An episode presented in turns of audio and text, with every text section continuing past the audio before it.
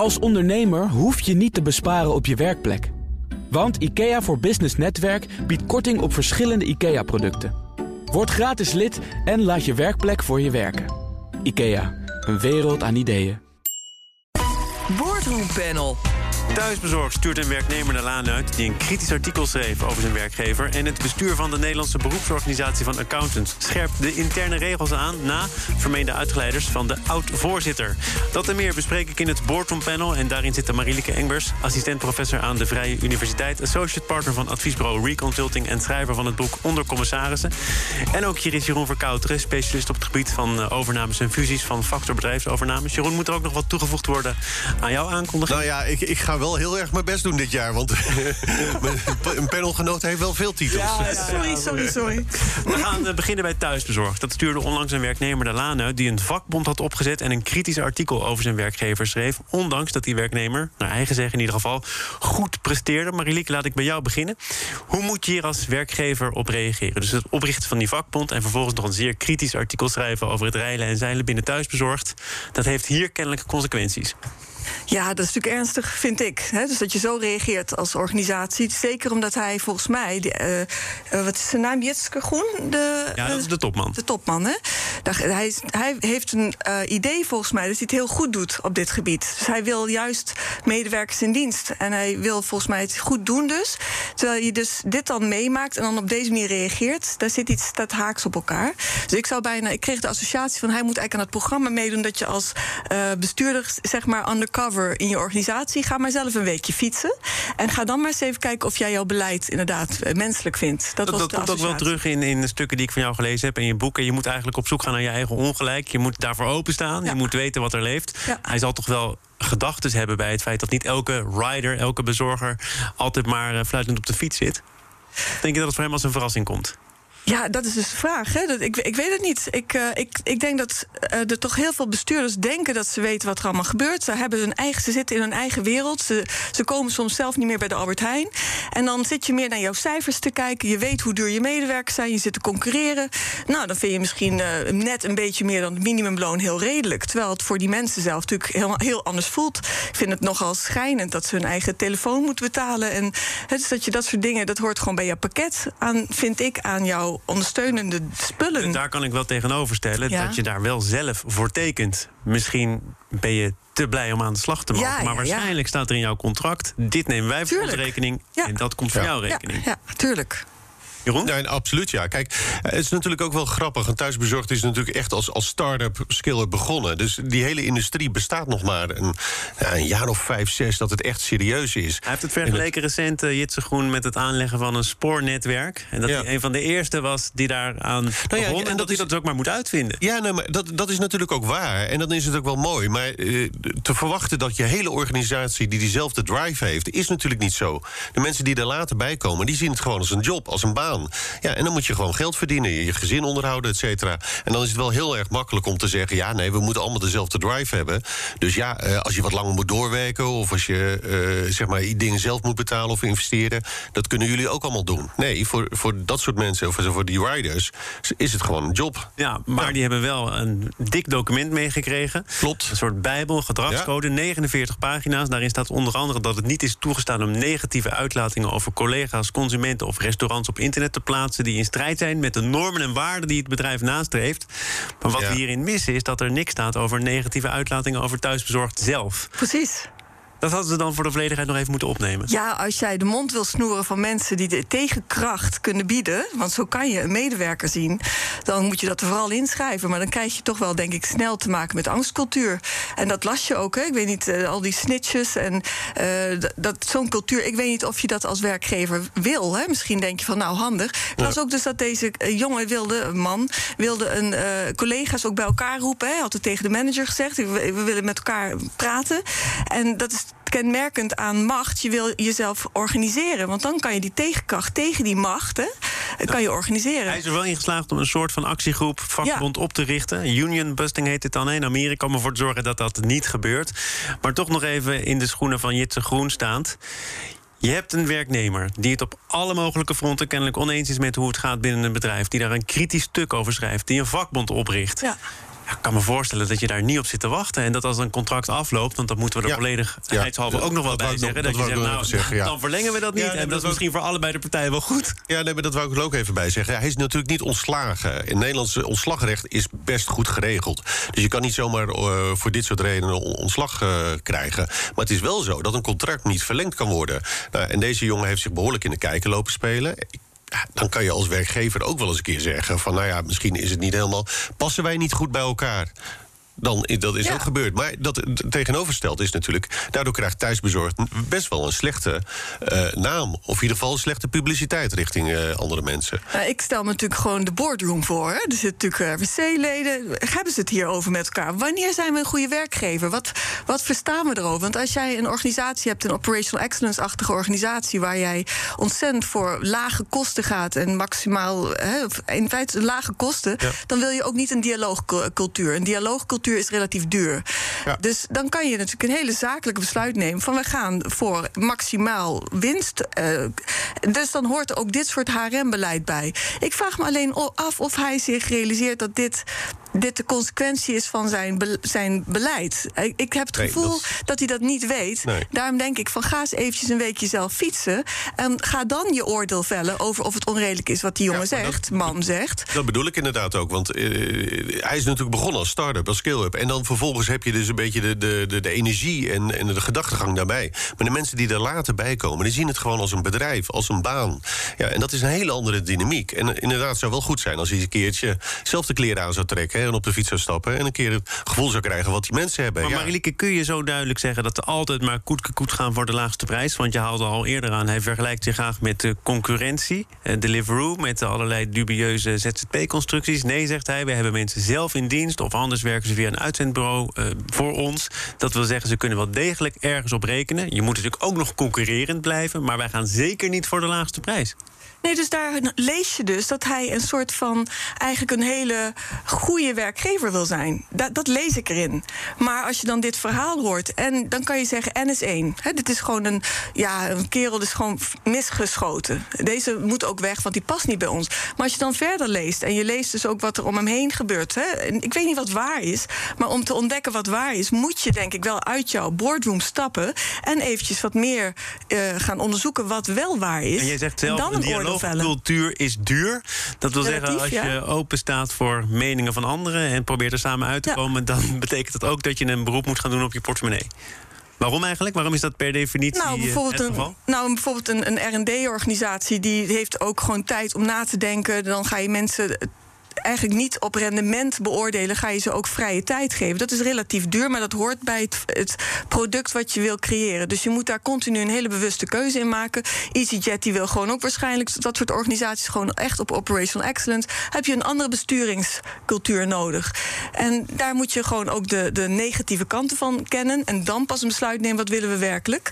Nou, en hier hebben ze het misschien wel iets te kostenefficiënt ingericht. Jeroen, denk jij ook dat eh Jitse Groen maar eens eh, flink eh, op de, de pedalen moet gaan staan? Zelf Nou, dat is wat ik net zeg. Ja, dat zou best wel een go- heel goed idee zijn. Ja.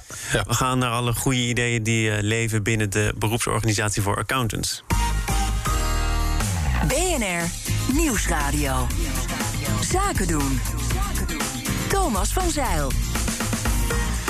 De gast is het Boardroom Panel, Marielike Engbers en Jeroen Verkouteren. En het gaat inderdaad over accountants. Niet voor het eerst in dit panel. Jeroen, jij kan er alles Nee, over eh, niet, nee. mee vertellen. De Nederlandse beroepsorganisatie van accountants, oftewel de NBA, scherpt de interne regels aan vanwege fouten op het gebied van belangenverstrengeling van voormalig voorzitter Marco van der Vechten. Eh, en dit komt allemaal uit de koker van de nieuwe voorzitter van de NBA, Chris Dauma. Hij is hier recent geweest om uit te leggen wat hij met de beroepsvereniging van plan is. Eh, hoe is het om dan in je eerste weken, je witte broodsweken, meteen toch ook je voorganger op de korrel te nemen? Ja, ik, eh, ik heb daar altijd wel een beetje een gemeene gevoelens bij. Het is, eh, veel CEO's doen het. Die komen dan aan en die zeggen dan van... ja, nee, alles wat er verkeerd is in een organisatie... het lag aan mijn voorganger. En eh, ik ga het anders doen, ik ga het beter doen. Dat, in sommige gevallen kan dat natuurlijk ook wel zo zijn... maar het, is ook, het heeft ook met de bedrijfscultuur te maken. Het heeft ook met de cultuur van organisaties... en de accounts zelf te maken. Daar hebben we het al vaker over gehad in de boardroom.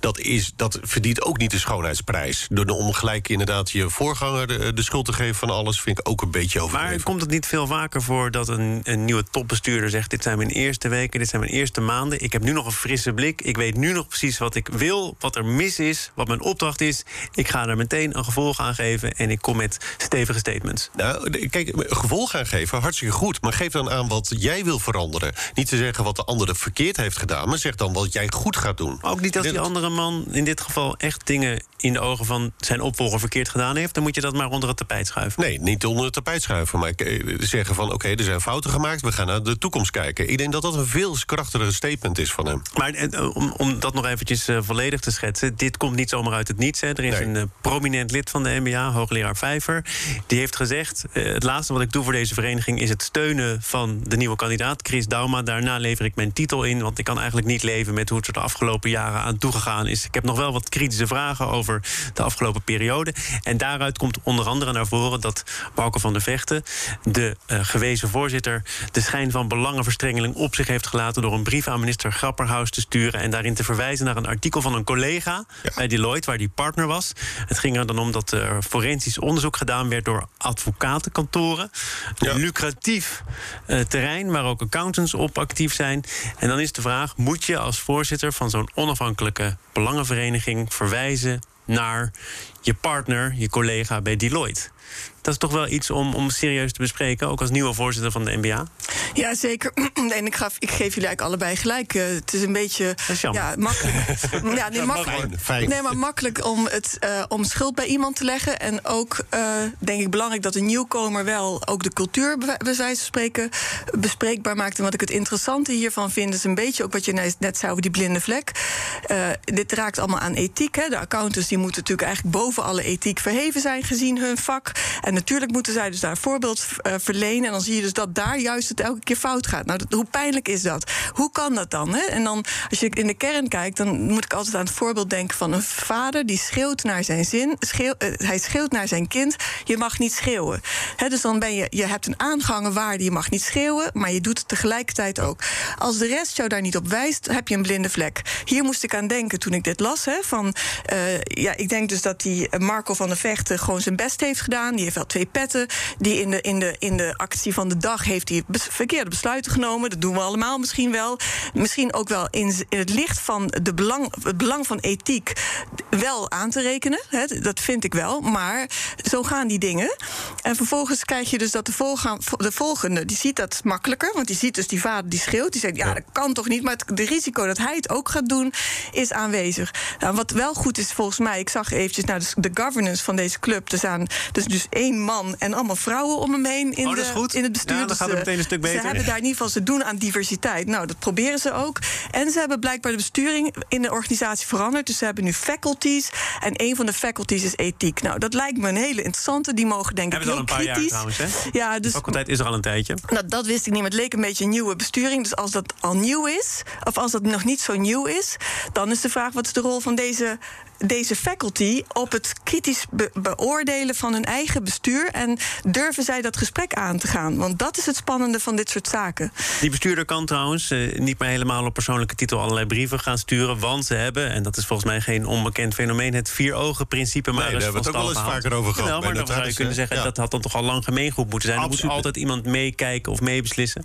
Volledig mee eens. Het vier-ogen-principe bestaat al, eh, nou ja, zo niet honderden jaren, tientallen jaren hier geval. En, zeker bij accountancy, notarissen hebben we het er wel vaker over gehad. We kunnen daar ook wel een aantal dingen van opnoemen. Maar het vier-ogen-principe is een heel simpel principe. Het is overigens wel zo, en dat vergeten ook veel mensen, dat het wel, wordt, uh, dat het wel in de regelgeving staat, of dat het wel gedaan wordt. Maar dat het vier-ogen-principe, de tweede uh, paar ogen om het maar zo te zeggen, helemaal niet goed kijkt. Of die brief gewoon even doorlezen en zegt: van, ja, nee, dit is hartstikke goed. Punt. Dus je moet het dan ook wel echt doen. En wordt er niet uh, goed naar gekeken uit gemakzucht of uit angst om anderen tegen te spreken? Nee, niet zozeer. Meer uit gemakzucht of uh, van, nou ja, uh, het is een collega van mij, dus ja, die vertrouw ik. Ik geloof wel dat hij het goed doet, dus dat is prima. Zo gaat het echt. Ja, ja. het vier-ogen-principe is een mooi principe, zeker op papier, maar in de praktijk heeft het weinig waarde? Nou, wat je zegt, hè, de- die routine, het onder druk heel veel moeten doen. Daarbij denk ik, vertrouw mijn collega wel. Dat is allemaal geen kwade wil. Maar dat is wel allemaal de, de snelheid van dingen. Ik denk dat heel veel mensen in die topregionen het gewoon hartstikke druk hebben. En ik denk dat eh, dat, eigenlijk een heel slecht teken is. Ik denk dat ze het liefst zou als persoon dat ze de helft van hun agenda leegtrekken. Omdat ze dan weer eens gaan nadenken over waar ze mee bezig zijn. Want daar is nu helemaal geen ruimte voor. Overigens is hier ook niet gezegd dat de Marco van der Vechten handelde uit kwade wil. Hè? Nee, nee, nee. Die twee petten die zorgen ervoor dat je sneller Ja, kunt denken dat er misschien iets aan de hand zou zijn. Maar het kan, zoals jij zegt, ook een menselijke fout zijn. Iets wat Ja. onhandig uitpakt. Ja, en dat vraagt gewoon vertraging. Het vraagt over nadenken over wat ik eigenlijk elke dag doe. En in plaats van gewoon maar handtekeningen zetten omdat je je collega vertrouwt en snelheid wil maken. Laten we nog even luisteren naar de nieuwe voorzitter, Chris Dauma... die zoals eh, gesteld een paar weken geleden hier te gast was. Overigens ook niet de eerste gedroomde kandidaat... want ze hadden iemand op het oog, Ted Verkade van Baker Tilly... die verantwoordelijk was of betrokken was bij een schandaal... waar zijn kantoor nog mee kampte. Dus kwam toen Chris Dauma als onafhankelijke kandidaat eh, bovendrijven. Dit zei hij een paar weken geleden. de NBA en het bestuur hebben gezegd... nou, misschien moeten we toch eens even nadenken over... eh, of wij niet eh, de stap moeten zetten om een, toch ook het mogelijk te maken... om een voorzitter van buiten te benoemen. Dus nou, daar heeft het bestuur gedaan, die stap gezet... om, dat, om die deur daarvoor open te zetten. Ja, en daar is een nieuw selectieproces uit voortgekomen... en daar ben ik uit voortgekomen. Jeroen, wat denk jij? Is het slim als eh, beroepsorganisatie om juist iemand van buiten aan te stellen? Of moet je vasthouden aan het principe: wij kiezen iemand uit ons midden, iemand die weet hoe het er hier aan toe gaat, iemand die weet wat er gevraagd wordt? Ja, dat is ook weer een lastige vraag. Kijk, eh, eh, Daarom kijk ik ook naar jou, ja, maar nee, ik sla je er niet bewust over hoor. Oh, oké. Een slager keur nooit je eigen vlees. Dat is natuurlijk de beroemde uitspraak. Maar in het geval van accountancy en notarissen en dat soort beroepsgroepen... is het natuurlijk wel handig dat je in ieder geval wel wat weet... van de principes, de mores en dat, van de dat, dat organisatie. Weet eh, de nieuwe voorzitter ook wel. Nee, Dat daarom.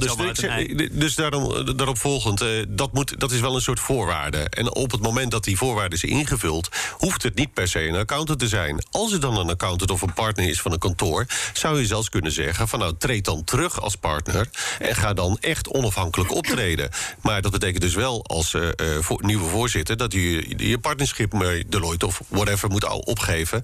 En dat zie ik ook niet zo snel gebeuren. in alle Marilike, wat is eh, slim om iemand van buiten te halen of juist iemand die door en door verweven is met de sector? Ja, daar heb ik ook ik, alle, voor allebei eens wat te zeggen. Ik vind eerlijk gezegd dat accountants, eh, met name, en ik geef het les aan controllers, dat überhaupt eigenlijk al, iedereen die in het bestuur zit, meer moet weten over menselijk eh, gedrag, sociale psychologie. En ik denk dat eh, daar ook de tijd voor rijp is. Ik zie ook dat bij de controllersopleiding dat er ruimte voor is om gewoon meer te leren. En dat moet geïntegreerd zijn in hun vak. Het is alleen maar op die fine. Er zit gewoon een soort paradigma van de, de agency paradigma noemen we dat, hè, maar gewoon allemaal op KPI's en compliance en risk en Is, rationele is dat nog steeds zo? Want als je het accountant zou vragen, en dat heb ik hier gedaan, dan zeggen ze natuurlijk allemaal dat hun taak verandert omdat de maatschappij verandert. Ja, maar zit dat ook in hun handelen? Eh, snappen ze ook werkelijk wat er dus tussen mensen gebeurt? Hoe belangrijk processen zijn in, in relatie tot de uitkomst van het proces?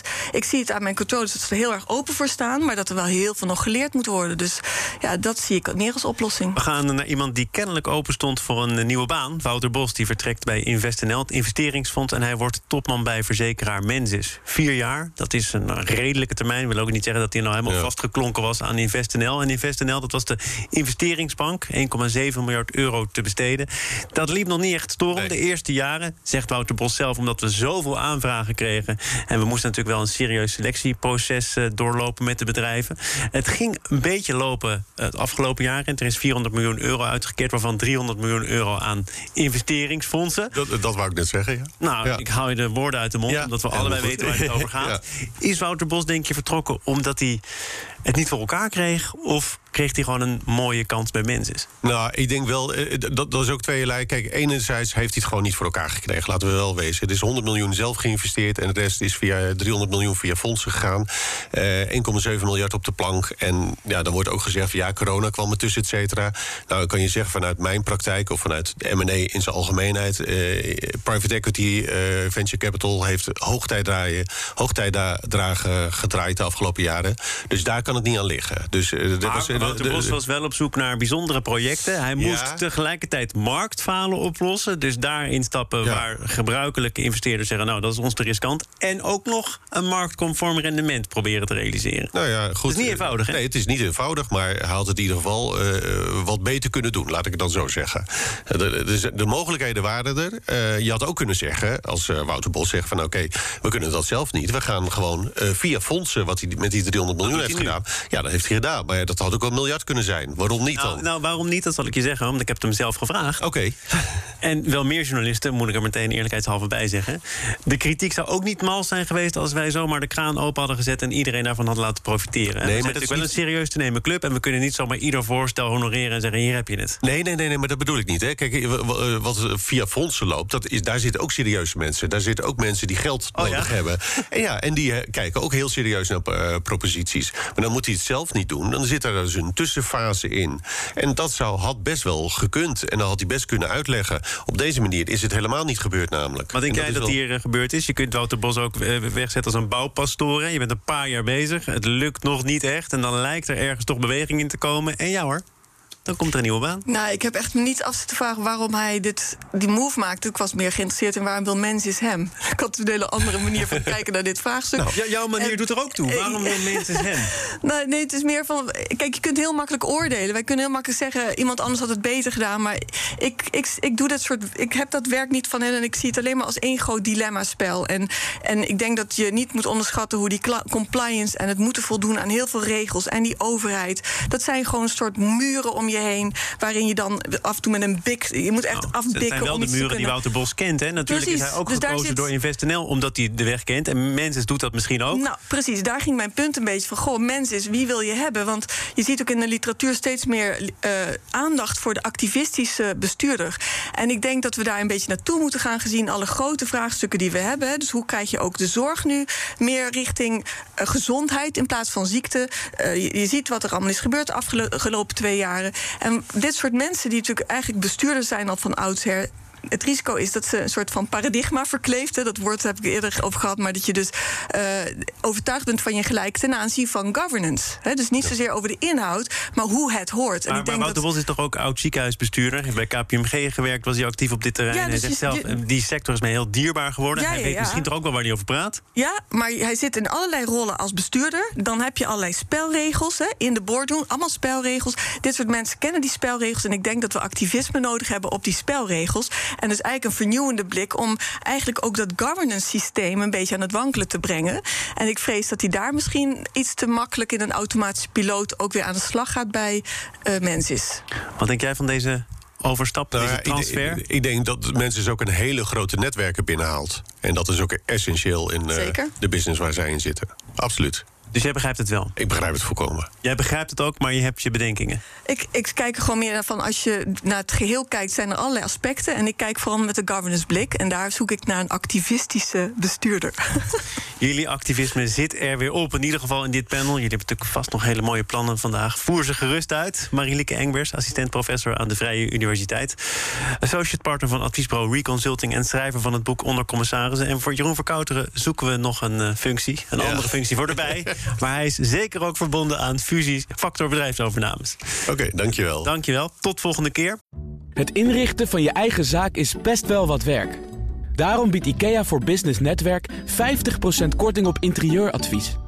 Word gratis lid en laat je werkplek voor je werken. IKEA, een wereld aan ideeën.